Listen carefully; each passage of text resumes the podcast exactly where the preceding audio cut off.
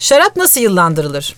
Şarapların yıllandırılması için ideal ortam mahzendir ama tabii ki artık günümüzde her evin bir mahzeni yok. Ama buna uygun dolaplar var. Bu dolaplar çoğunlukla işte %70-80 nem oranına sahip. 16 ile 18 derece arasındaki ideal saklama sıcaklığını sağlayan ve ışıksız, titreşimsiz dolaplar.